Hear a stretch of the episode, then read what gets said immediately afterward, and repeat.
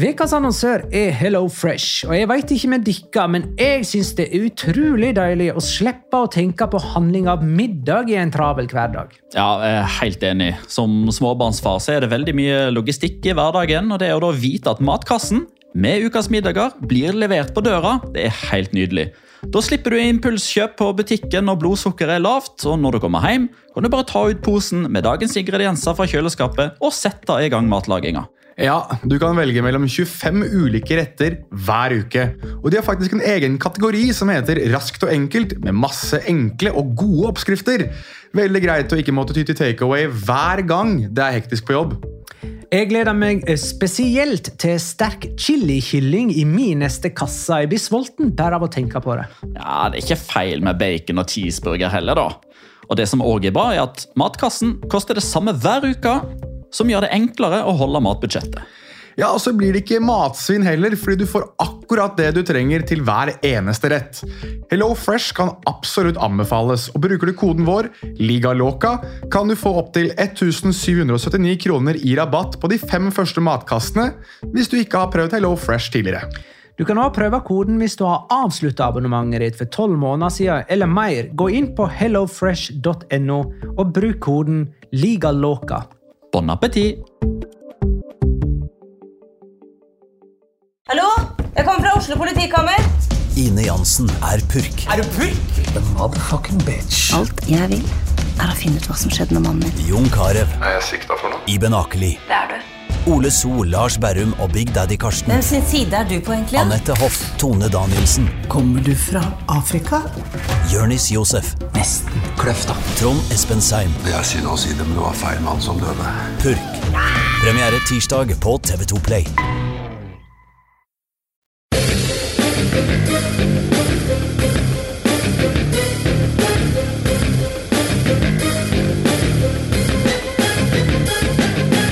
Har du sett?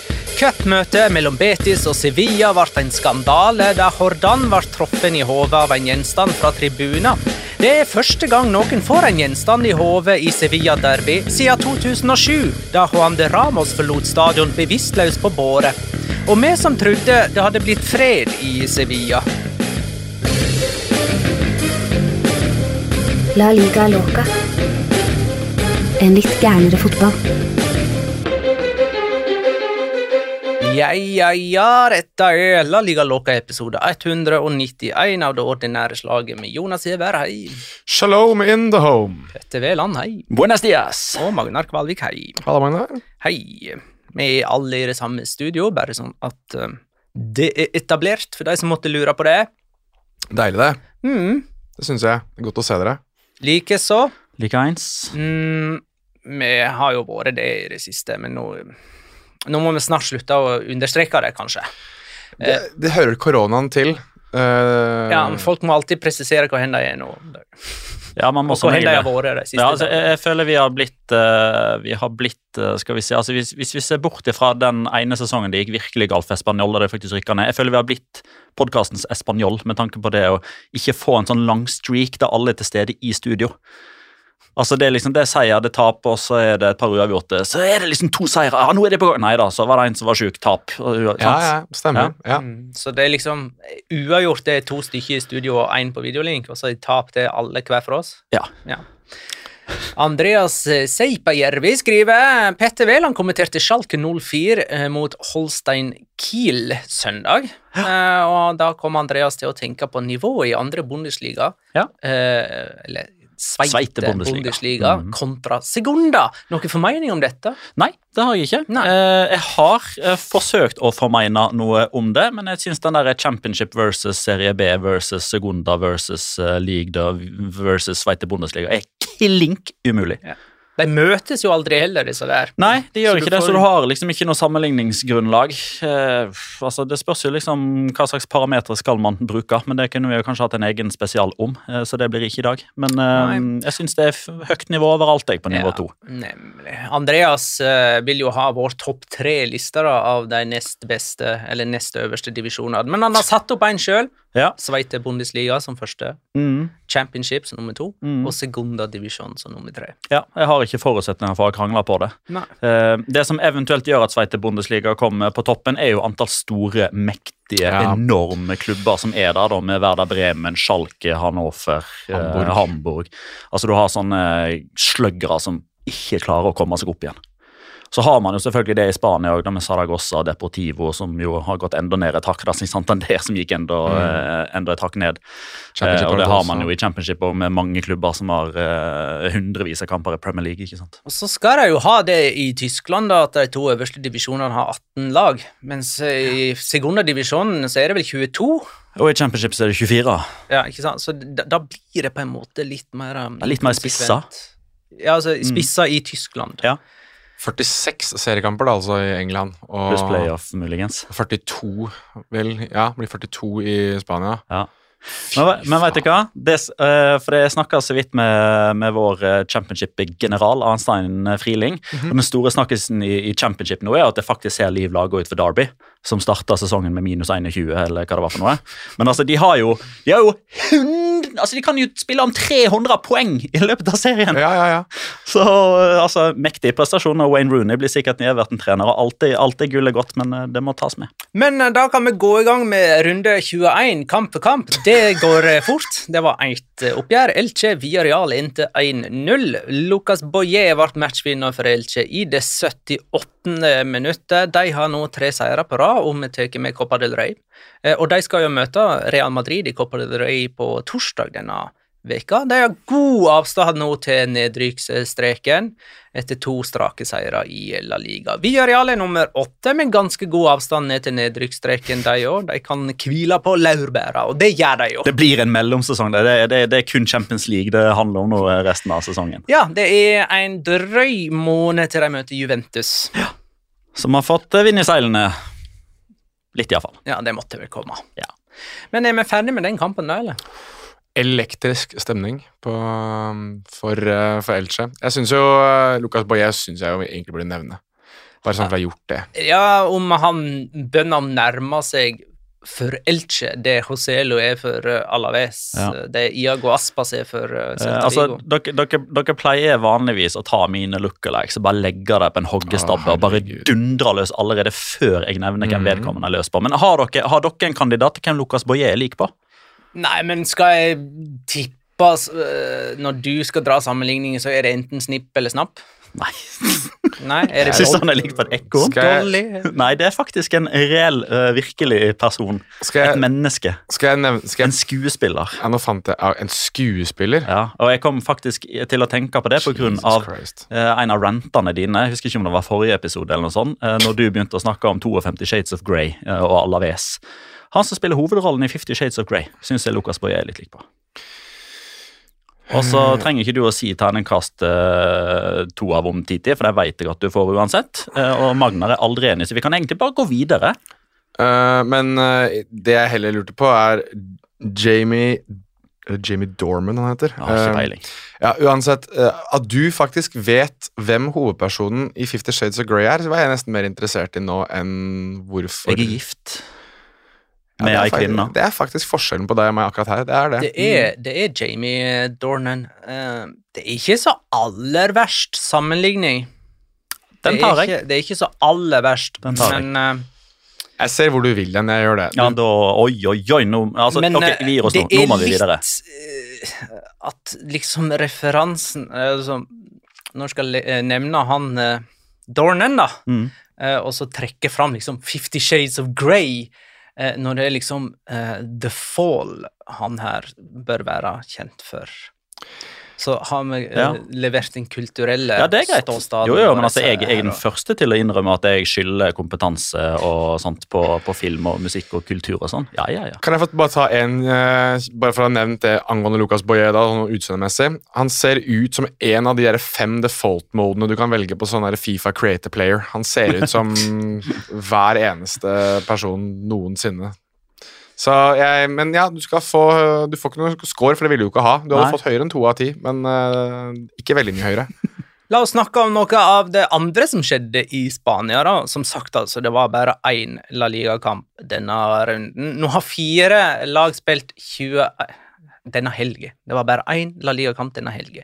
Eh, fire lag har spilt 21 kamper, resten har spilt 20, så man begynner å nærme seg en sånn der Petter kan puste lettet ut snart over et Excel-ark hans. Ja, det, det begynner jo å nærme seg i løpet av midtuken nå, da, når, eh, når seks av de resterende åtte kampene blir spilt. Det kan jeg jo nevne òg, da, at det er både midtvekekamper i La Liga og Copa del Rey eh, runde åttedelsfinale, som Ja. skal avsluttes nå i midtveka. Ja. Så du har tirsdag i La Liga så har du Real Betis Alaves og Cádiz Español, og på onsdag i La Liga har du Celta Vigo og Sassona og Valencia Sevilla. Den Ja. skal jeg se.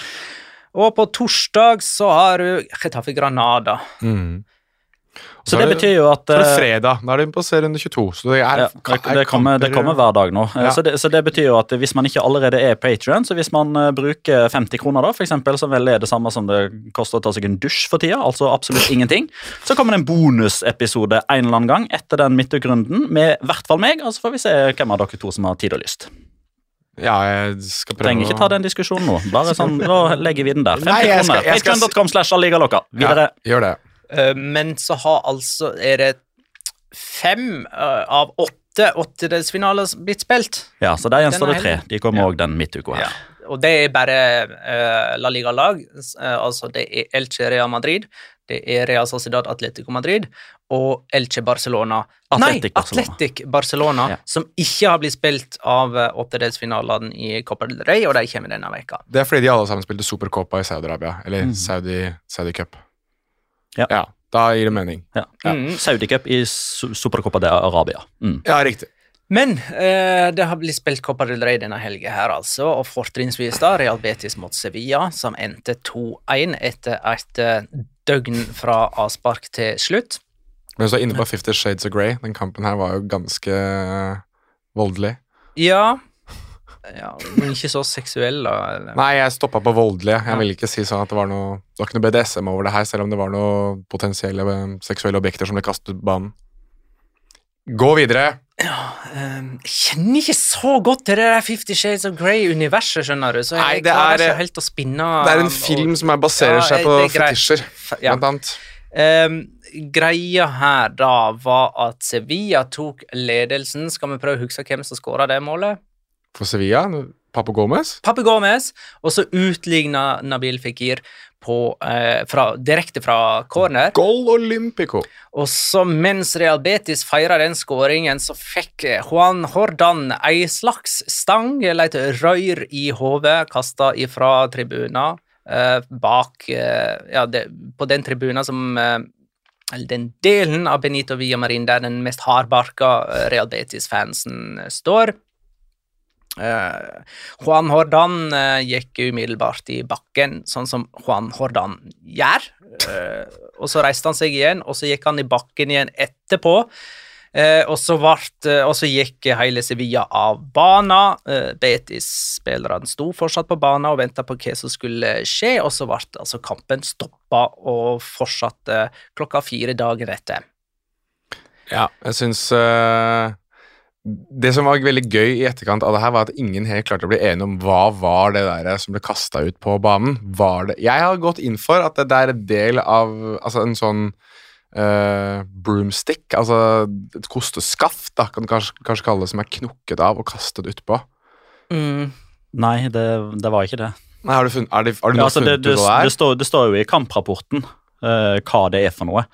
Uh, men altså, hva det blir brukt til, står det ikke. Ja, står men, det? men det står jo at uh, Ona Barra Oeka eh, PVC-rør, et hult rør av type PVC, altså plastikk.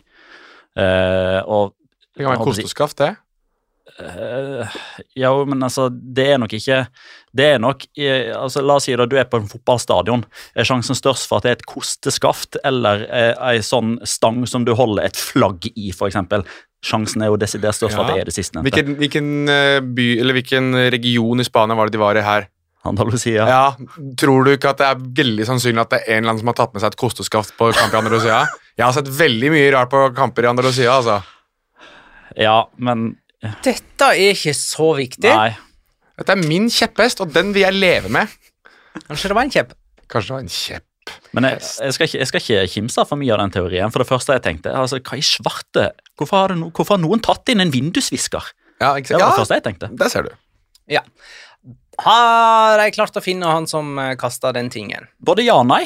Eh, det, jo, men altså, det, det kom jo først eh, rapporter da på lørdagskvelden om at politiet hadde fakka tjuven, holdt jeg på å si. eh, ja, identifisert vedkommende. For det var jo en viss eh, Det, det, altså, det sirkulerte jo videoer rundt om her på, eh, på, eh, på Twitter og andre sosiale medier om at det var en form for indre justis der. Det ble et, nærmest et basketak blant Betis-fansen der, og en mann spesielt da, som fikk, eh, om en ikke unngjelda så mye, men som i alle fall var i begivenhetenes sentrum, som politiet da kom og, og henta ut.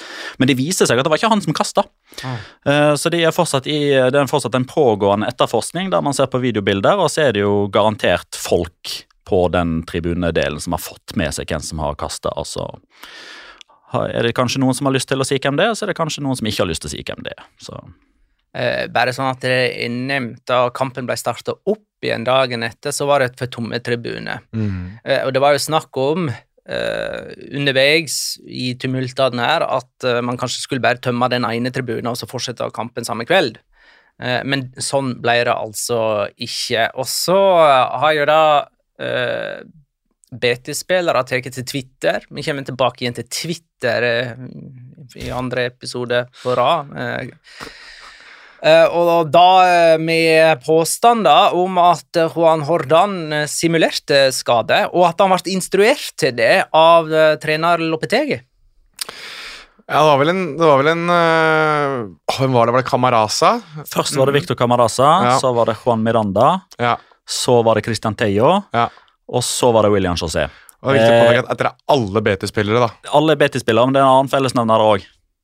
Ingen av de spilte kampen. Nei, riktig. Så de alle har vært på, vært på benken og sett det her, da, eller hørt det her. Ja jeg- jeg- Ifølge jeg- seg selv, i hvert fall. Ja, ja altså, jeg, skal ikke sitte her og si at nei, det har ikke skjedd, eller noe sånt, men jeg, sy jeg syns allikevel det er litt Det er verdt å legge merke til da, at de som uttaler seg kritisk, ikke tok del i kampen.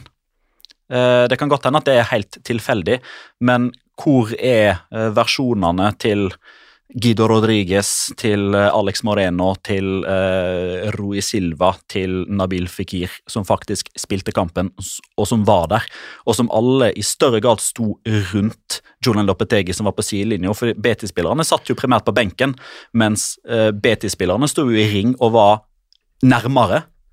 Men var det, men var, var det Lopetegi som skal ha sagt det? Var det ikke at det var en, altså en fysio eller en lege som visstnok skal ha sagt det, da? Var det ikke det? Altså- jeg leste det et sted òg. Cam Camarasa og Miranda skriver su entrenador, altså Julian Lopetegi. At han visstnok skal ha eh, oppmuntra eller oppfordra eh, John Jordan til å sette, sette seg ned og, eh, og late som eller gi uttrykk for at han ble dårlig og svimmel. Ja, jeg sitter og ser på klippet her nå som Kamaraza har lagt ut. Kamaraza har jo lagt ut et klipp der, han, der de står med fjerdedommer osv.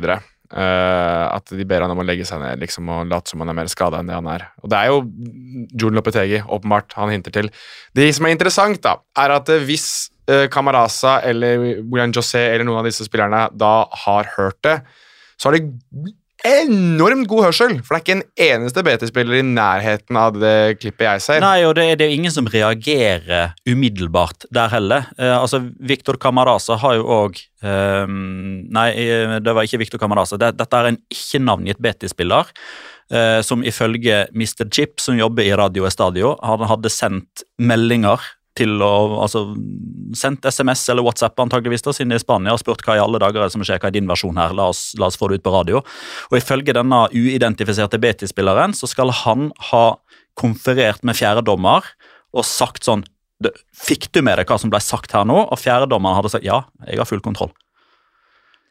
Men eh, Juan Hordan, om han simulerte eller ei, han eh, spilte jo ikke dagen etter. Nei, og, og her må jeg bare få si en ting. Jo, men her må jeg bare få si en ting. For jeg syns det er så forbløffende hvordan absolutt alle parter nå har glemt en, en teori her. Altså, eh, fordi Christian Teio er jo den som har gått lengst i skittkastinga på, eh, på sosiale medier, fordi han publiserte dette klippet der Joan Jordan går og slår seg sjøl på kinnet, som er en ganske vanlig gest i Spania. altså que caratienes, altså Ja, ja, ja. eh, Hvordan skal vi oversette det til norsk, egentlig? Åh, Altså øh, liksom, ah, Hvor tøff du er, liksom. Ja, mer sånn Ja, sånn og Ja, og så tøff du er. Ja, for, for eksempel. Altså, han, han svarer, liksom. da. Og, dette, og det at han går og klapser seg på kinnet sånn tre-fire ganger, det skjer jo mellom Mm, øyeblikket der han blir truffet, og øyeblikket der han setter seg ned. mm. Men er det, altså, hvorfor er det ingen som eh, påpeker det åpenbare faktum at det går jo faktisk an å bli dårlig to, tre, fire minutter når adrenalinet senker seg? At du, når du da kjenner etter ja, nå går det faktisk litt rundt for meg. Mm. Det trenger ikke å komme med en gang. Jeg er helt enig. Så det at han først liksom har, har gjort sånn her, i en form for adrenalin eh, Han er sikkert litt sjokkert, skremt, eh, sinna. Har lyst til å svare på dette her, men ¿qué cara tienes? Eh, for så å faktisk Oi, nå går det faktisk rundt for meg. Hvorfor er det ingen som snakker om den muligheten? Det er absolutt ingen som sier det. Her er det sånn Ja, men han har jo reist seg igjen. Han kan jo ikke bli dårlig igjen etterpå, da. men jeg, jeg er enig i det. Men eh, John Jordan gjør seg ingen tjeneste å stå, stå og kjøre Som for øvrig på spansk, eller på latinamerikansk spansk ville vært que macho sos ville vært på veldig mye i Argentina, som betyr akkurat samme som que caratienes. Mm. Eh, det å slå seg i trynet og, og prøve å hause opp. Du gjør deg ikke noen tjenester. da, men, Ja, men er men han er ikke den eneste som, som oppfører seg som en idiot i, altså, i hele dette her. Altså, dette her er jo bare blitt en sammensurium av, av seviansk faenskap. Og så har vel egentlig fotballspillere generelt ikke gjort seg sjøl noen tjeneste med mye simulering sånn opp igjennom, så det er jo helt umulig å vite nå om dagen om noen er skada eller ei. Inkludert da hodeskade. Det, det, og det er jo sånn som man må ta på alvor. Jeg synes, det, det jeg synes er et problem her da, altså satt, Jeg satte jo selvfølgelig meg ned den kvelden her, som sikkert dere også gjorde, for å se den kampen her.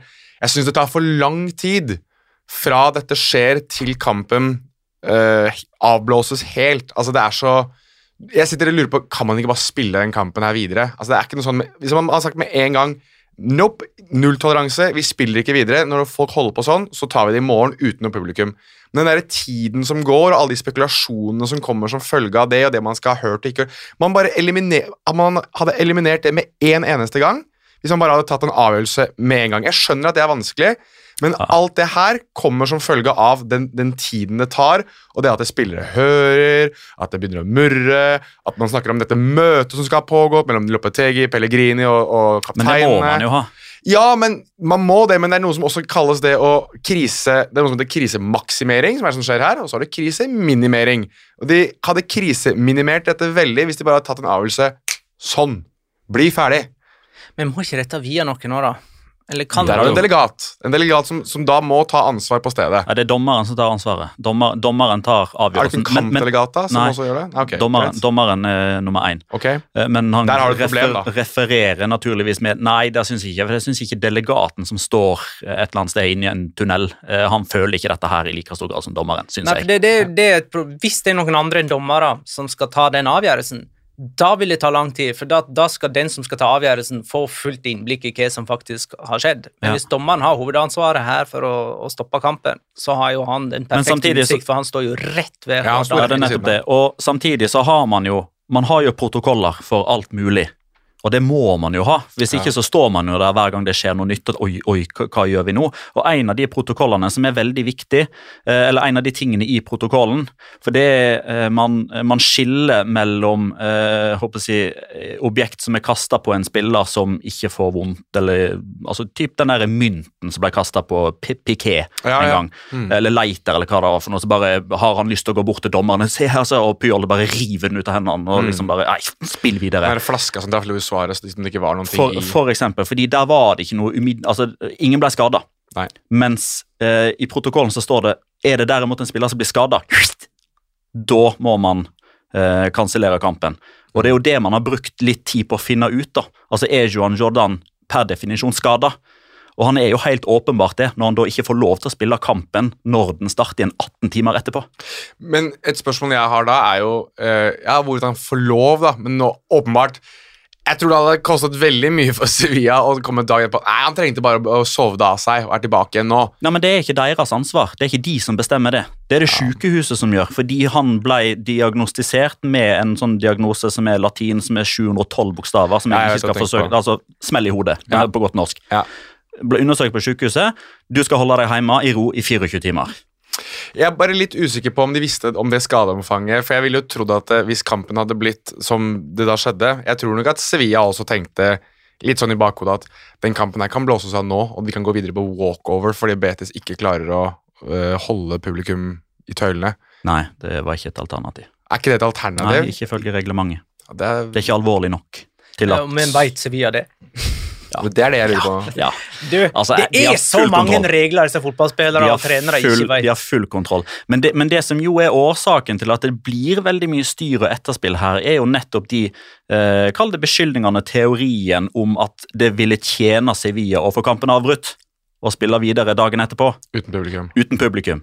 Mm. Betis hadde momentum. De var mye bedre enn Sevilla i løpet av de 40 minuttene. De hadde nettopp utligna.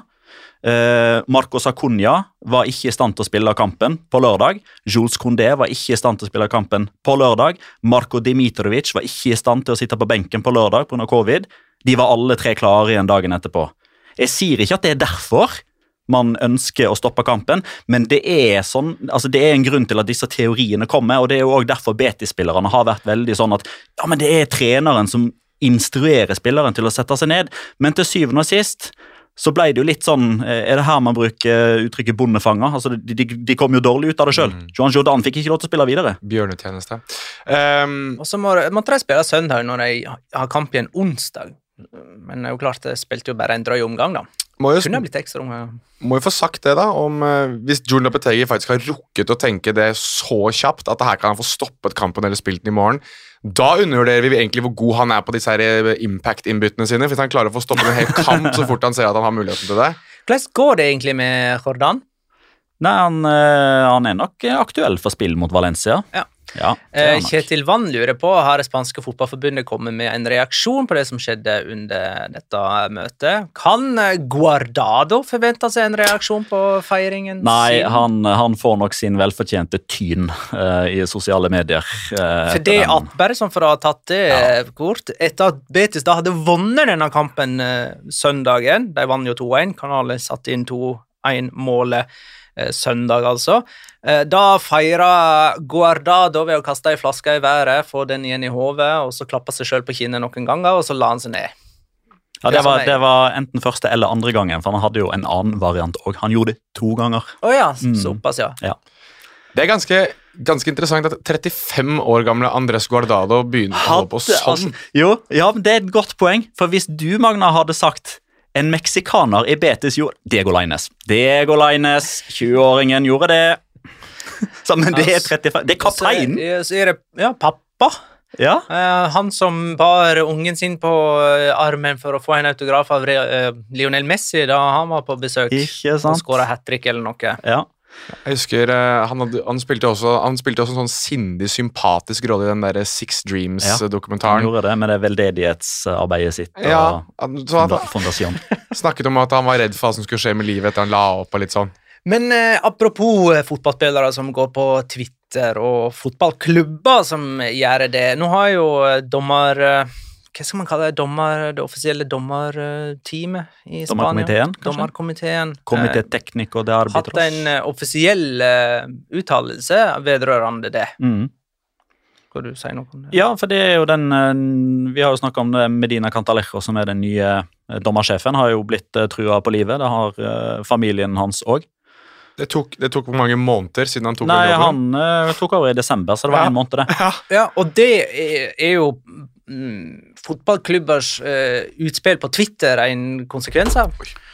Jeg skal ikke sitte her og si at det er deres direkte skyld, men at de sauser opp, at de hauser opp eh, betydningen av en eh, dommer eh, si rolle hva angår kamputfall og måloppnåelse, eh, så tror jeg vi dessverre er inne på riktig spor, Mm. som jo er feil spor. Hva er det som står egentlig i den eh, offisielle uttalelsen? Der står det at vi, vi står bak han, vi støtter han, dette fortjener han ikke, dette, må, dette tar vi avstanden fra. Og så poengterer de jo at, det, at de, de har en profesjon eller et yrke uh, full av kritikk og feil. Og sånn er det. Sånn Så det er dommersjefen som har fått uh, dødstrusler? Spania sitt svar på Terje Hauge. Ja. Um, Og så, eh, bare for å ta det der fra Kjetil Vann, eh, om det spanske fotballforbundet kommer med en reaksjon på det som skjedde i eh, Sevilla Derby. De, de kommer med det. Eh, det er vel på tirsdager at eh, konkurransekomiteen, altså Comité de Competition, de, de møtes for å eh, jeg, bekrefte karantener for de som har blitt utvist og fått gule kort. og De går gjennom kamprapporter eh, for å se hva som har skjedd i de forskjellige kampene. Eh, og jeg ser at Estadio Deportivo, som jo er Sevilla-media, de har jo en Sevilla-seksjon og en Betis-seksjon. Betis-seksjonen der har jo allerede sett inn i spåkula hva som blir utfallet her, mest sannsynlig, basert på hva som har skjedd tidligere. Det er jo at eh, Betis får minst én kamp som de må spille for tomme tribuner. Um, I cup, da, eller? det kommer ikke Nei, i bare én Altså i Generelt? innenfor Spania. det spanske fotballforbundet okay. sitt ja, ja. kalender. Eh, Det blir jo naturligvis ikke Betis Alaves eh, tirsdag kveld. Det er for tidlig, fordi dommen kommer sannsynligvis da den dagen, og så skal det ankes. Naturligvis, selv om Betis er helt enig sikkert om at de fortjener straff, så skal de anke. Det er bare for å forsinke prosessen. Eh, og neste hjemmekamp etter det er Viareal, uh, men ankeprosessen og det at da skal uh, jeg, neste komité, altså ikke konkurransekomiteen, men den etiske komiteen, skal da ta en ny beslutning som Betis kommer til å anke videre til CTA, eh, eller hva det heter, nei, KAS. Altså ikke Fifa-CAS, men altså spanske rettsvesenet skal inn. Eh, fordi de kan til enhver tid fryse enhver sånn straff, som gjør at den bare blir utsatt. Eh, og det kommer Betis til å gjøre så, så, så langt som de kan. Eh, så det som det virker som er mest sannsynlig, er at Betis da kommer til å forsinke denne prosessen, sånn at det blir hjemmekampen mot Mallorca, og ikke hjemmekampen mot Villarreal eller Atletico Madrid, som er foran og bak. Sånn at den i utgangspunktet minst vanskelige kampen skal spilles for tomme tribuner. Burde bare tatt noe mot Alaves istedenfor, for det er ikke noe vits å gå og se dem eh, Det var grusomt uansett. Jeg skal ikke begynne. Jeg skal ikke begynne. Jeg skal ikke begynne. Jeg lover. Jeg skal ikke begynne. Skal vi snakke om eh, Supercopa? Eh, Real Madrid vant Supercopa. Eh, alle de siste Supercopa-turneringene, altså siden det ble Saudi-Copa, eh, har enda med en vinner som verken vant La Liga eller Copa del Rey sesongen før, og denne gangen så ble jo finalen spilt uten verken La Liga eller Copa del Rey-vinner fra sesongen før, og da skulle man kanskje tro at Supercopa hadde mista sin betydning, men eh, det, de feira det i revy, og det breie ser ut til Real Madrid, iallfall. Real Madrid feirer for alt det er verdt. Eh, de var vel, var det Real Madrid, Mens vi er inne på Twitter Real Madrid, så var det vel kontoen til Real Madrid som la ut en tweet om at de hadde gjort et Google-søk på hvor kan du få kjøpt et nytt troféskap. Større troféskap. Større troféskap, ja. De måtte, eh, nå har de så mange trofeer var det de Var det noe sånn Ja, De begynner å nærme seg 100. Ja, 90 Noen skriver 93, andre skriver 95, for det er et par trofeer der som i fordums tid kanskje ikke var Og Marcelo trofeer likevel. Og Marcelo nå er tidenes mestvinner. av Madrid spiller sammen med Paco Gento. Mm. Så um, Da har han gått forbi Sergio Ramos, for øvrig. Da... Var det 23 trofeer han hadde da? Ja. Ja. Det inkluderer jo sånne supercuper, da. Mm. Det gjør det. Det er jo et stort trofé i spansk målestokk. Eh, Real Madrid slo Atletic Klubb i finalen etter mål av Modric og Benzema på eh, straffe. Ellers så um, skriver Kim Allergott Det er vel eh, Sier det godt nok? Kim Allergott. Mm. Eh, det er vel ikke mange over Courtois på lista over verdens beste keeper nå? Ja, akkurat nå så er det vel ingen, hvis man tar denne sesongen har tatt i betraktning. Ja, er Han hadde en eh, fabelaktig strafferedning. Altså, Manuel Neuer eller Courtois den er- Nei, ikke Neuer. Syns du ikke Neuer? Nei, eh, ikke ut ifra Jeg har sett veldig mye Bayern Ja, du har sett mer, veldig mye mer enn meg. Det har du. Så det er vel, det er vel Courtois um, sikkert en, da. Ja. Hvert Neuer kan godt være nummer to, altså. Men, hver, hver gang jeg har sett Neuer, så har jeg bare blitt imponert over han. Det er, jeg, men jeg har ikke sett han like mye som deg. Men da, ok, Courtois nummer én. For han er imponert over hver eneste gang, og han har jeg sett alle kampene til i år. mm. Så det Hvor mange aktuelle er det egentlig nå? Jeg mener, Både Marc-André Terstegen og Jan Oblak har jo hatt kraftige fall. Ja, Mm. det har de. Alisson i Liverpool Ja. har vel hatt et fall. Ederson har liksom vært litt sånn eh. David De Gea er oppe og Ja, nikker David igjen, De da. Gea er oppe og nikker Mm. hvis, hvis man liksom ser på form innenfor en viss tidsperiode. Mm. Absolutt. Sp I Italia, da? Hvem har man der? Chesney? Nei. Handanovic? Nei. Gl- Glemmer vi PSG-keeperen nå. Donnarumma? Ed, Edouard Mendy var helt der oppe. Ja, Mendy er nok oppe og nikker litt. Ja. Nå er han i Afrikamesterskapet, da. Ja. Der kan han jo klare å ødelegge det ryktet, for der klarer jo alle å ødelegge sitt rykte disse dager. Tenker du på Elfenbenskysten? Ja, jeg gjør det. Og jeg tenker også på Algerie for så vidt òg. Vet du hva, Jeg skal ikke se bort ifra Serge Aurier plutselig blir stående igjen som eh, den keeperen med lavest baklengssnitt gjennom det Afrikamesterskapet. altså. Serge Aurier. Eh, ellers så tapte jo altså Atletic denne her, og Chris Robin Eriksen er kjapp på avtrekkeren mot eh, Atletic-trener Marcelino, som har tre finaletap på ti måneder og 0-7 i sekken. Det er så Marcelino som man får det, dessverre. Og det skriver altså en Valencia-supporter som eh, kunne jubla over Copa del Rey-trofé som det siste Marcelino gjorde. Ja. I den trenergjerningen. Ja, gjør det. Eh, jeg syns også det var interessant eh, for øvrig at eh, Eurosport-kommentator Petter Bø Tosterud hadde gravd fram statistikken jeg ikke hadde, i hvert fall, om at dette er første gangen Real Madrid slår Atletic Club i en finale som kun har én kamp i seg. Altså, de seks første vant Atletic. Ja. Ja. Syns det var en veldig bra statistikk. Det visste jeg ikke. Petter Bø Tosterud, meget bra mann. Ja, jeg syns han var, leverte fantastisk bra til å kun da det er vel, Dette er vel de eneste spanske fotballkampene han kommenterte denne sesongen. Mm. Han hadde vel Supercopa forrige sesong òg. Veldig, veldig bra. Så um, jeg visste, visste ikke det, og jeg syns det er en ganske oppsiktsvekkende statistikk. Men uh, da lever jo Marcelino med den, da. At han er den som har styrt Atletic til deres første tap i Stå- Stå på CV-en, det. Stå på stedet. Ja, hva har du å bidra med, her da, Marcelino? Eh, Nå skal du høre. Ja. Nei, men eh, det var, gøy, det var gøy for øvrig å se i semifinalen at uh, trompeten til Via Libre var tilbake igjen i garderoben. Så Så da de fikk, fikk brukt trompeten. fikk litt trompet i garderoben der, altså. Da de snudde jo semifinalen mot Mm. uh, Atletico Madrid. Uh, og vi kan jo også nevne den andre semifinalen. Det var jo Real Madrid mot Barcelona. Der jeg holdt Real Madrid som ganske så klare favoritter, men den gikk jo til ekstraomganger, og Barcelona de var jo med eh, tidvis. Xavi var ganske eh, positiv eh, til Barcelonas prestasjon etter kampen. Syns jeg han hadde god grunn til òg. Ja, Syns Barcelona var Eh, gode. Så vi kan jo ta denne fra PS Hingsten. Kan de ikke ta en liten oppsummering av Xavi som eh, Barcelona-trener så langt? Da er det min tur til å reklamere for patrion.com. patreon.com for der er det iallfall en hel gjennomgang av den kampen som jeg og Petter gjorde Ja. etter eh, den semifinalen. Men Xavi som Barcelona-trener vil jeg egentlig ikke si så veldig mye om ennå, kjenner jeg. For jeg ser, man ser konturene av hva han ønsker å gjøre, hvordan han ønsker å bygge Barcelona. Det er veldig mye Guardiolask over det han gjør, da, å sette sammen lag og bygge på La Masia-produkt. Samtidig så mangler han de helt tydelige enerne i laget. Og det føler jeg ikke at man kommer til å ha noe svar på før inn i neste sesong. Så jeg har liksom bare bestemt meg for, som man sier på engelsk, jeg gir han en mulligan. At han, jeg, han får ikke noe bedømning nå.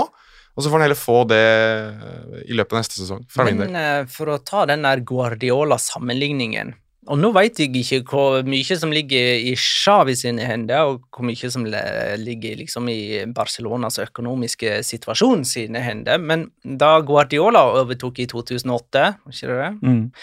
da kvitta jo han seg med noen profiler. Eh, og det virker jo for meg nå som at Xavi ikke bruker eh, disse her unge, lovende spillerne bare for det at det er skader og fravær og sånn, men fordi at han faktisk har lyst til å satse på dem, mens det er spillere som Omtiti, Longley, eh, Memphis Depay og sånn, er virker å være på vei ut. Dembélé. Dembélé, ikke minst. Mm.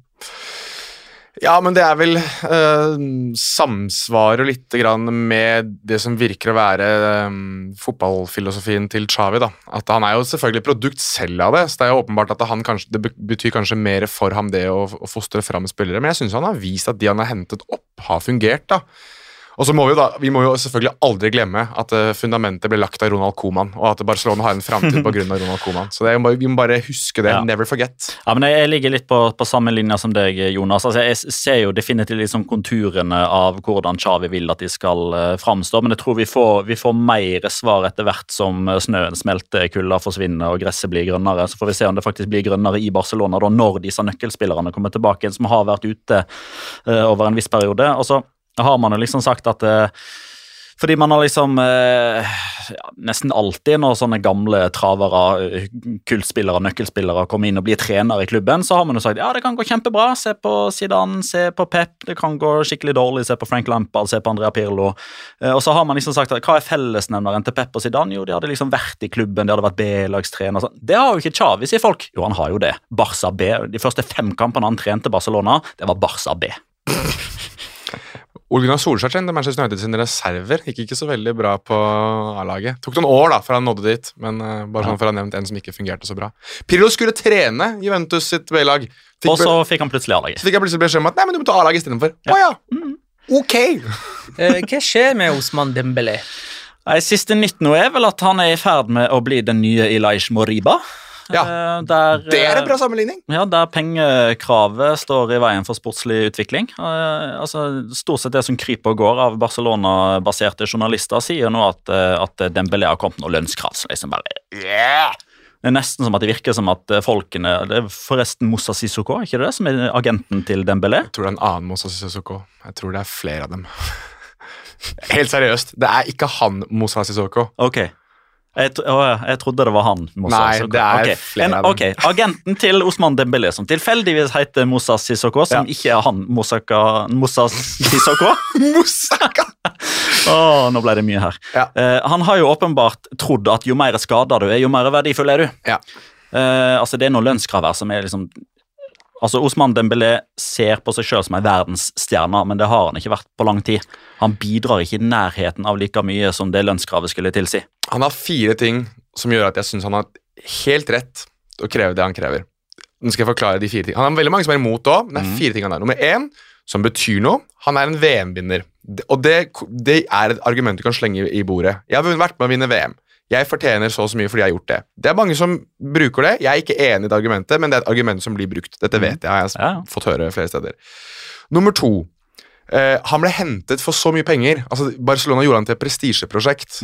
Og ha, han har ennå ikke fått muligheten til å vise det. Hvem som skylder det, da? Ja, det er det, da. Hva, er- hva, vil Dembélé si at han kanskje har blitt uh, drevet rovdrift på, at de har byttet trener for ofte, at han ikke har fått sjansen nok? Det er de argumentene han kommer til å bruke. Samtidig som dere har brukt så mye penger på meg, skal dere virkelig la meg gå nå? Og så er det de to som er kanskje de beste argumentene. Nummer én er at John Laporta har vel uttalt at Dembélé er jo like god som Mbappé, så hvorfor skal vi kaste oss inn der? Ja. Å ja, men betal han Ja, som men Det er et reelt argument. Ja. ja. og det siste argumentet, som også var noe som filtrerte ut da forhandlingene gikk Ok, så de signerer Ferran Torres og snakker om å signere Erling Braut Haaland, men de kan ikke gi Dembélé lønnsøkning? Ok. Hm. Ja vel. Ja, jeg, jeg, altså jeg ser den der ok, dere kan ikke bruke penger på meg eller min klient samtidig som dere kaster penger etter de og de. Det, det kan jeg liksom forstå hvis, argument, altså hvis liksom striden står på om man i det hele tatt skulle få fortsette i klubben eller ikke. Men det vil jo Barcelona. Men det er jo absolutt ingenting av det Osman Dembélé har vist, eller fått muligheten til å vise etter overgangen fra Dortmund, som tilsier at han nå, når klubben eh, blør, skal i lønn. Men han- Ingenting! Det prestisjeprosjektet som han ble da han ble henta, det var Mm. da han skulle fått den lønna som han krever nå. Ja, ja, definitivt. Da gjorde jo åpenbart agenten en dårlig jobb, for da var han ei verdensstjerne på vei opp og fram. Det var ikke måte på hvor god Osman Dembélé var når han kom fra Dortmund til Barcelona, og hvor god han kom til å bli. Beviselig har han jo ikke blitt det, og så kommer disse lønnskravene nå. Syns jeg trumfer alle de fire argumentene der, som i og for seg er bra, og jeg skjønner at det kommer fram. Og det er to sider av saken her, og selvfølgelig vil agenten og Dembélé ha så mye som mulig. Helt greit. 100% men nei. Det var det jeg sa, at du har de fire argumentene for, og så har du et hav imot. Og så Ja. vet du hva jeg gjorde for noe, Petter? Nei. Dette er en liga Lockhart throwback. Du kjørte djevelens advokat. Helt riktig. Ja. Eh, det virker som eh, Barcelona prøver å spytte Dembélé eh, til andre klubber, da. Ja, for jeg glemte jo faktisk å si hva eh, å kjøre en Ilaish Moriba faktisk er. Ja. Det er jo å la han sitte på benken resten av sesongen og ikke bli brukt Ja. fordi kontraktsforhandlingene går i stå. Og for at kontrakten går ut til sommeren, Ja. så de har jo lyst til å kvitte seg med han nå, få litt igjen for han, og samtidig kvitte seg med en ut, utgiftspost, mens Dembélé han har ikke lyst, virker det som, å forlate klubben. Han har lyst til å sitte kontrakten ut. Ja. Men um, jeg syns kanskje Dembélé skal bare ta enda mer sånn lærdom av den Ilaish Moriba-varianten. da, og Så kommer jo Leipzig enormt godt av dette her, hvis de kan selge Christopher Nkunko, Ja. som er enormt god. som kommer til å bli enda bedre, tror jeg. Han har en massiv markedsverdi nå. Hvis det er kjøpere der ute som har lyst til å kjøpe han, så ok, greit det. Vi bare henter Dembélé. Vi kan, eh, vi kan betale deg. Du går, kommer med- gratis. Åssen går det med Ilaj Moriba? Nei, det går ikke så bra. Nei, nettopp. Så det er noe skrekk og advarsel her også. Men, eh, men jeg Ikke ødelegg en god eh, teori med fakta her nå, Nei, Jonas. jeg skal prøve. Ja, nei, Vil du si noe mer om Dembélé eller Barcelona, som blir linka til det som kan krype og gå av spillere for øvrig? Ja, vi kan gå dit, men jeg, jeg, vil egentlig bare si at um, hvis, jeg bare, hvis jeg er Xavi eller hvis jeg er John Laporta nå, så sitter jeg og tenker at fy søren for en sjanse vi har her nå på å bare bli kvitt det her. Det har vært et evig problem. Han går ut av kontrakt. Han sutrer og griner så mye om å ha mer penger. Altså, det, er så, det er så mange argumenter imot det å, forly, å fornye med Dembélé. Ja, det er det der potensialet, men det blir sånn Schrødingers kattopplegg over det her. Er den katten levende? Er den død? Ingen vet helt hva som, hva som er i den boksen til Osman Dembélé.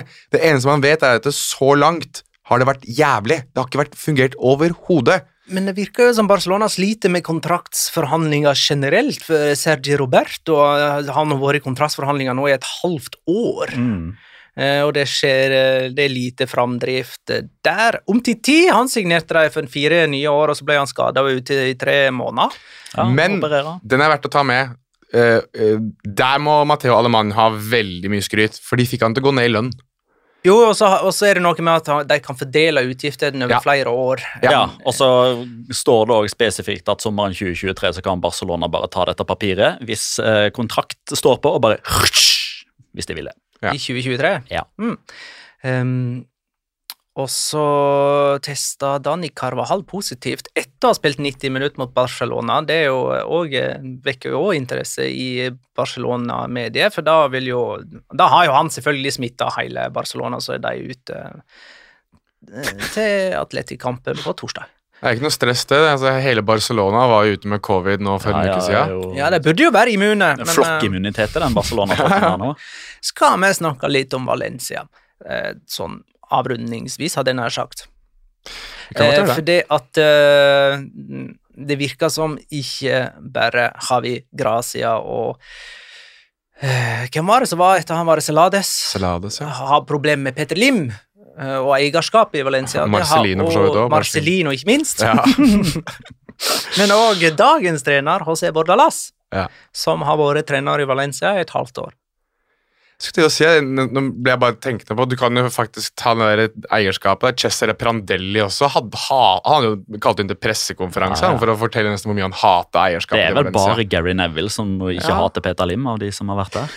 Ja, Og Vårå, da, som jeg er veldig lur i, sier ingenting. Men han er jo ikke så glad, han heller. Men uh, nå, nå er Bordalas på kamp med Ja. eh, Valencia-ledelsen, og uh, hvem kan Kan man skylde på Bordalas sjøl, siden han signerte noe for Valencia etter å ha mange eksempel eh, på hvordan det går i forkant? Altså, jeg, jeg må jo få sagt det, at i disse Valencia-kranglene så er det én konstant, og det er ikke Kevin Konstant som spilte i Milan, altså. Det er én konstant faktor som går igjen hver eneste gang, og det er eieren eller direktøren over, eller som sitter under ham, Anel Murti. Det er én av de to. Og ja, vi, kan, vi, har hatt, vi har til og med hatt en egen kriseepisode om uh, hvordan Valencia holder på, da vi hadde Hans Christian Lange her og forklarte oss og fortalte hvor dette stammer fra. Men altså du, du, du tror ikke at du har klart å nå bånd med det der Valencia-greiene, og så finner de et eller annet smutthull lenger ned mot jordens eh, innerste indre, der det er glødende varmt. Altså, det er så jævlig, det, det Altså, å pågår der. nærme seg Marianne Gropa. Ja, det er, ja, det er ikke langt unna nå. Altså, og da kan du bare, ja, det, Forhåpentligvis bare faller hele Mestaya med Peter Lim og Anel Muti inn og bare forsvinner for alltid. Altså, Det er helt grusomt. Men Men det som er stridens kjerne igjen, da, som Ja. alltid har vært stridens kjerne her, er jo lovnader om at ja, da, vi skal forsterke laget, vi skal kjøpe osv. Eh, og trenere som da kommer med forslag, ikke nødvendigvis alltid sånn konkret jeg vil ha han eller han eller han. altså det er jo Navn kommer jo, altså Aridan Hernandez f.eks. Eh, det er jo andre også som har blitt navngitt som den Bordalas vil ha. Det som vanligvis pleier å skje, det er jo at treneren ser på troppssammensetninga så finner han ut jeg trenger en høyreback som har de og de og de kvalitetene. Jeg trenger en stopper som kan stå inn i 90 minutter i egen boks og stange unna innlegg. Jeg trenger en spiss som er rask som kan komplementere Maxi Gomez. Og så er det opp til uh, sportslig leder osv. Jeg trenger en spiss som er rask i stedet for Maxi Gomez, mener du? Det kan du òg eh, si. Arise Marcos André? Er det Ja, ikke sant? Altså, altså er det liksom den, den, samme trenden da med at uh, kalenderen så liksom du river av liksom dag etter dag etter dag, etter dag, og så kommer midten av desember, og så begynner Valencia-pressen å, å, stille spørsmål på pressekonferansen. Ja, hva kommer til å skje inn mot januarvinduet, og så har du noen tanker? Ja, jeg har noen tanker. Jeg kunne jo tenkt meg en sånn og en sånn, en sånn, men vi får se hva som skjer. Vi har god dialog med Anil Murti, og så trekker man flere lapper av denne kalenderen, og så er vi inne i romjula, og ja, nå er det et par dager til januarvinduet, og absolutt ingenting skjer. Uh, har du en statusrapport? Ja, nei, altså, vi, vi skulle jo ha dette møtet, da, men av forskjellige årsaker travle mennesker oppe i systemet. Jeg har ikke fått snakka med dem ennå. Og så river vi av noen lapper igjen, og så kommer vi i begynnelsen av, av januar. Ja, nå er vinduet åpent, nå kan dere hente. Skjer det noe her? Og det er de samme, liksom.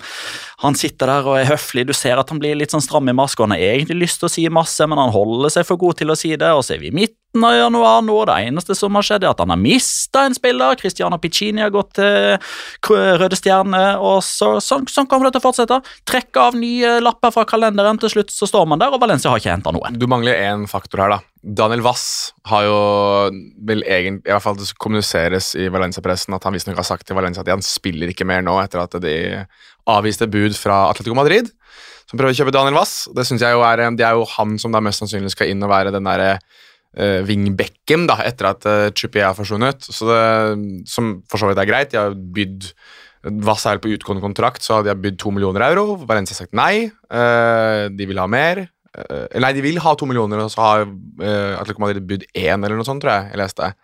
Uh, som er jo gøy nok i seg selv. Altså, det hadde jo sikkert kjøpt halve troppen til Valencia for et år siden, men tydeligvis så klarer de å si nei til det nå. Men det er så gøy å se Uh, gøy, altså, gøy i form av tragikomisk å se hvilke spillere Valencia startet med å bli koblet til, sånn type Mauro Arambari, som var og fremdeles er synes jeg, en veldig habil, veldig god, solid midtbanespiller fra Getafe, som Bortalas kjenner. Så har det gått mer og mer tid, mer og mer tid som Petter var inne på, og nå sitter man med Wakaso Mubarak. Det er han som det nevnes nest nå, plutselig, ut av det blå. Uh, Jørn Henland skriver hva skjer i Valencia om dagen? Bordalas ut, eller? Og så svarer Chris Robin Eriksen ja, og Benitez inn. Tilbake der oh, alt starta. Hei, se her, du. Nei, men den er ikke dum. Den er ikke dum. Ja, jeg må ta mange Han er ledig, Selv om alt blir dumt. Og så fortsetter det jo de eh, diskusjonene. At eh, Benitez har jo hatt Newcastle nylig, eh, og må jo være vant til dette med ja, eiere. Klikk, klikka eiere. Ja, jeg tror nesten Petter Lim går Mike Ashley en høy gang, altså. Uh, men, uh, men altså, problemet med Bordalas, som var et problem fra starten av, uansett, er jo det at han er jo ikke en trener som er konfliktsky overhodet. Det har vi jo sett på pressekonferanser før. Mm. Og, men han har Det som er veldig åpenbart med Valencia, er at hvis treneren på noe som helst punkt sier seg imot eierskapet, så er det rett ut. Ta Albert Salades som det beste eksempelet. Altså, Albert Salades er jo den største slangen i spansk fotball, ja, kanskje med unntak av Robert Moreno. Men han er jo den største slangen i spansk fotball noensinne. Han dro til Singapore bak uh, ryggen på alle for å inngå en avtale, mens Marcelino fortsatt satt som trener i Valencia. Altså, Det er så ukollegialt og tarvelig som du får det. Og så sa han, sa han litt imot Petter Lim, og så var det rett ut på han også. Så det er liksom jeg gleder meg til den tiende treneroppholdet til Vårå som bare skal vare til sommeren, og så skal en eller annen ny trener inn som skal Kiki Sanchez Flores eller noe sånt, og hva som gjør det bra i Chetafe, så hent han nå. Greit. Vi gidder ikke å kåre runden spiller i Elche Villarreal. Eh, og så eh, har vi ingen locora som overgår det som skjedde på Benito Villamarin. Jeg har en liten del locora, okay. som er en bitte liten quiz òg. Okay. Uh, eller nei, jeg er ikke quiz for å klare dere spørsmålet, eller svaret på dette spørsmålet, så er dere sjuke i huet, og det vet jeg at dere ikke er. Heldigvis. Uh, men vet dere hva som skjedde den siste uka av november 1985? Uh, eh, sånn ved siden av at Microsoft Corporation lanserte Windows 1.0. 1985. November 1985. Konkret da 27. november 1985. Oh, ja, det hjalp meg så mye. Ja, Bare sånn for å narrow it down. I spansk fotball eller i Ja. verden? Vi er, vi er en podkast om spansk fotball, ja. Er det mye Segunda og Sveite Bundesliga og sånn, så jeg begynte å lure på hvilken podkast jeg satt i her. Um, er det Real Madrid-relatert? Eh, Ikke direkte, Nei. men indirekte. Er det noe Mex Mexico-relatert? Nei. Nei. Ikke noe Ugo Sanchez? Nei, jeg skulle, Nei. var han jeg tenkte på. Nei, nei veit ikke. Det var første, eh, eller forrige gang, at det ble spilt fotballkamper i tre offisielle turneringer, forskjellige turneringer, i spansk fotball. På en og samme dag? Liksom. På en Liksom. og samme dag. For det skjedde søndag 16. januar 2022. Og det er altså da, uh, calculate days, uh, 13.200 dager siden. La Liga mellom 14 og 16. Copa del Rey mellom 12 og 14 og 16 og 18. Supercopa de Spania mellom 1930 og 2130. Ja. Det var nå, ja. Ja. Mm, Og ikke- onsdag 27. november 1985 så var det La Liga-kamper, Copa del Rey-kamper og Real Madrid i Uefa-cupen mot Borussia Mönchengladbach. Ah, ikke spanske lag i Spanske ulike lag i offisielle turneringer. Ja, ikke bare spanske turneringer. For de, de tre du nevner der, er jo spanske turneringer alle sammen. Eller de som var nå.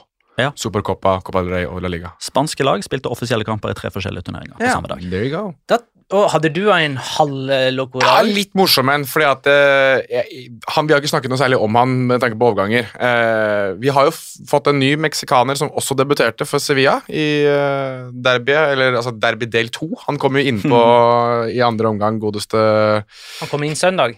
Han kom inn på søndagen. eh, Jesus Corona, eh, som har et veldig interessant Han uh, heter ikke Jesus Corona. Jo, er ikke det han heter, da? Jo, jo. Ja, Jesus Det er Corona. Jesus Manuel Corona, men I tiden, det. Ja, Jesus Endelig Manuel en positiv koronanyhet for Sevilla. Ja, positiv koronanyhet. Eh, han har jo et veldig interessant kallenavn, som ikke så veldig mange vet hvorfor. Covid-19. Ok, Magnar. Omikron. Vet, vet du hva, Magnar? Den var fin. Veldig bra. Veldig. Delta. Delta. Uh, nei, han, har jo, han spiller jo for så vidt også med dette på ryggen. Tecatito på ryggen. Uh, Tecatito er jo Og det er veldig gøy hvorfor han har det. Uh, Tecati- han er jo veldig liten av vekst, som veldig mange meksikanere er. eh, godeste Jesus Manuel Corona. Um, Tecate er en ølprodusent i Mexico. Eh, og den klubben han er flasket opp i, godeste Tecatito, hadde en avtale med et annet bryggeri enn korona. Så da han kom opp i systemet, så fikk han ikke lov til å spille med korona på ryggen fordi det var skjult reklame. Så da ba de ham om å spille med noe annet. Og da ettersom han var så liten, og Tecate, en annen øl, ble produsert av den ølprodusenten som, som da produserte, eller som sponset laget som, som Jesus Manuel Corona spilte for, så ble han Tecatito, lille Tecate. Så det er egentlig en ren eh, ølkrangel. Reklame, liksom. Ja, Ja. men for så vidt det òg. Men det er en ølkrangel som har ført til at Jesus Manuel Corona, altså igjen en spansk øl, istedenfor heter Tecatito, en rivaliserende spansk øl. Eh, Vi får tippa litt, da. Forrige kamp var Barcelona-Real Madrid i uh, Supercoppa-semifinale. Og der tippa vi vel eh, stillingen etter 90 minutter, er Ja. ikke det det vi gjør? Mm. Og det var 2-2. Ja. Det endte 3-2 til Real Madrid eh, etter ekstraomganger, men eh, 2-2 blir altså den offisielle stillingen, da. Venicius var første målskårer. Jeg hadde 1-2 med Luke de Jong som første målskårer, det gir null poeng. Petter hadde 1-2 med Benzema som første målskårer, det gir null poeng. Og Jonas hadde 2-1 med Jude Glass som første målskårer, det gir null poeng. Spilte vel ikke engang, gjorde det? Nei. Faen, ass. Eh, er så Jeg har 22, Petter har 15, Jonas har 13, og jeg har satt opp eh, onsdagsoppgjøret mellom Valencia og Sevilla som neste kamp, jeg. Mm. Jeg sier Ja, ja. Valencia-Sevilla 1-2 og Rakitic. Jeg har eh, 0-2 og Rafa Mir. Ah, sterk. Den, den går inn. Den målskårergreia, iallfall. La Lay de Lex. Um, 04. Jeg er så drittlei hele Valencia. Bordala skårer fire sjølmål fra sidelinja, eller? Ja, jeg er så drittlei hele den klubben der. Uh, uh, Lucas Ocampos. Trodde kanskje vi skulle fordele det der litt jevnere. Nei, men altså Eh, Alle går for Sevilla-seier. Det er greit. Ja, men Sevilla altså, vi, vi har jo sagt det, at seriegullet skal ende opp i Sevilla by. Og nå er jo Betis eh, De ligger på tredjeplass ennå, men de er vel ti poeng bak, eller noe sånt? ikke det? Vi kan jo kjøre en sånn der ekstrem helgardering da, og si at et eller annet trofé havner i Sevilla denne sesongen. Ja, det er jo ikke langt unna det nå, Nei. selv om de klarer å spenne ben på hverandre sånn halvveis. Nå må vi videre og Ja, men spille eh, en, en ting til, for det er nå, eh, altså den, eh, En annen ting som skjedde i, i El Gran Derby 1985. Nei, nei, i, i El Gran Derby eh, 15. og 16. januar 2022. Dette er en ny sånn pubquiz-variant. Altså, du har jo den der historien med Abel Aguilar som i Deportivo la Coruña Real Saragossa i august 2011 skåra to mål i samme kamp i to forskjellige uker, fordi den starta søndag klokka 23 og var ferdig mandag klokka 00.45. Så han skåra mål i samme kamp i to forskjellige uker. Nemanja Godel han har både starta og kommet inn i en og samme fotballkamp. Han starta Elgeland Derby på lørdag, men han var ute av elveren. For de kunne jo gjøre endringer så lenge man, var, så lenge man hadde La Liga-lisens. så kunne man komme med en helt ny startelver. Han Ja. starta på benken på søndag og kom inn.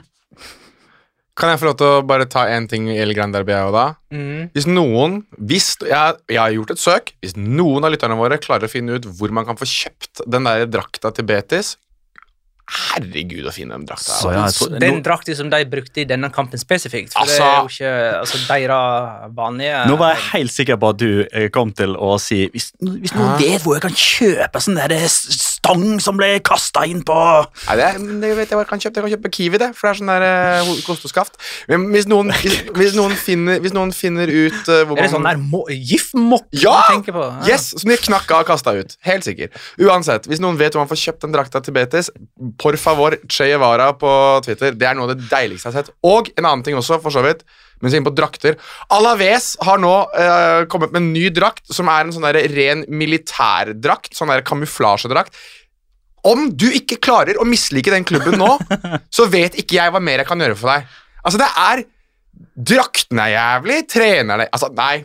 Sånn, da har jeg fått hatt litt Alaves-hat uh, denne uka. Og så en veldig sterk shout-out. Jeg mener å huske at det var Bendik Eftang som, som kom med, med spørsmålet. For jeg la jo ut på Twitter Er det noen som vet hva dette her er? Og så bilde av De Burgos Bengochea med denne gjenstanden i hånda. da, Og han lanserte dette må vel være et spansk rør. Tusen takk for at du lytta, kjære lytter.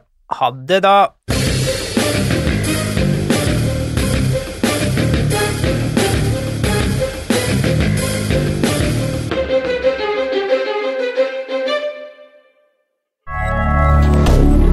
Moderne media. Har du et enkeltpersonforetak eller en liten bedrift? Da er du sikkert lei av å høre meg snakke om hvor enkelt det er med kvitteringer og bilag i fiken, så vi eh, gir oss her, vi. Fordi vi liker enkelt. Fiken superenkelt regnskap.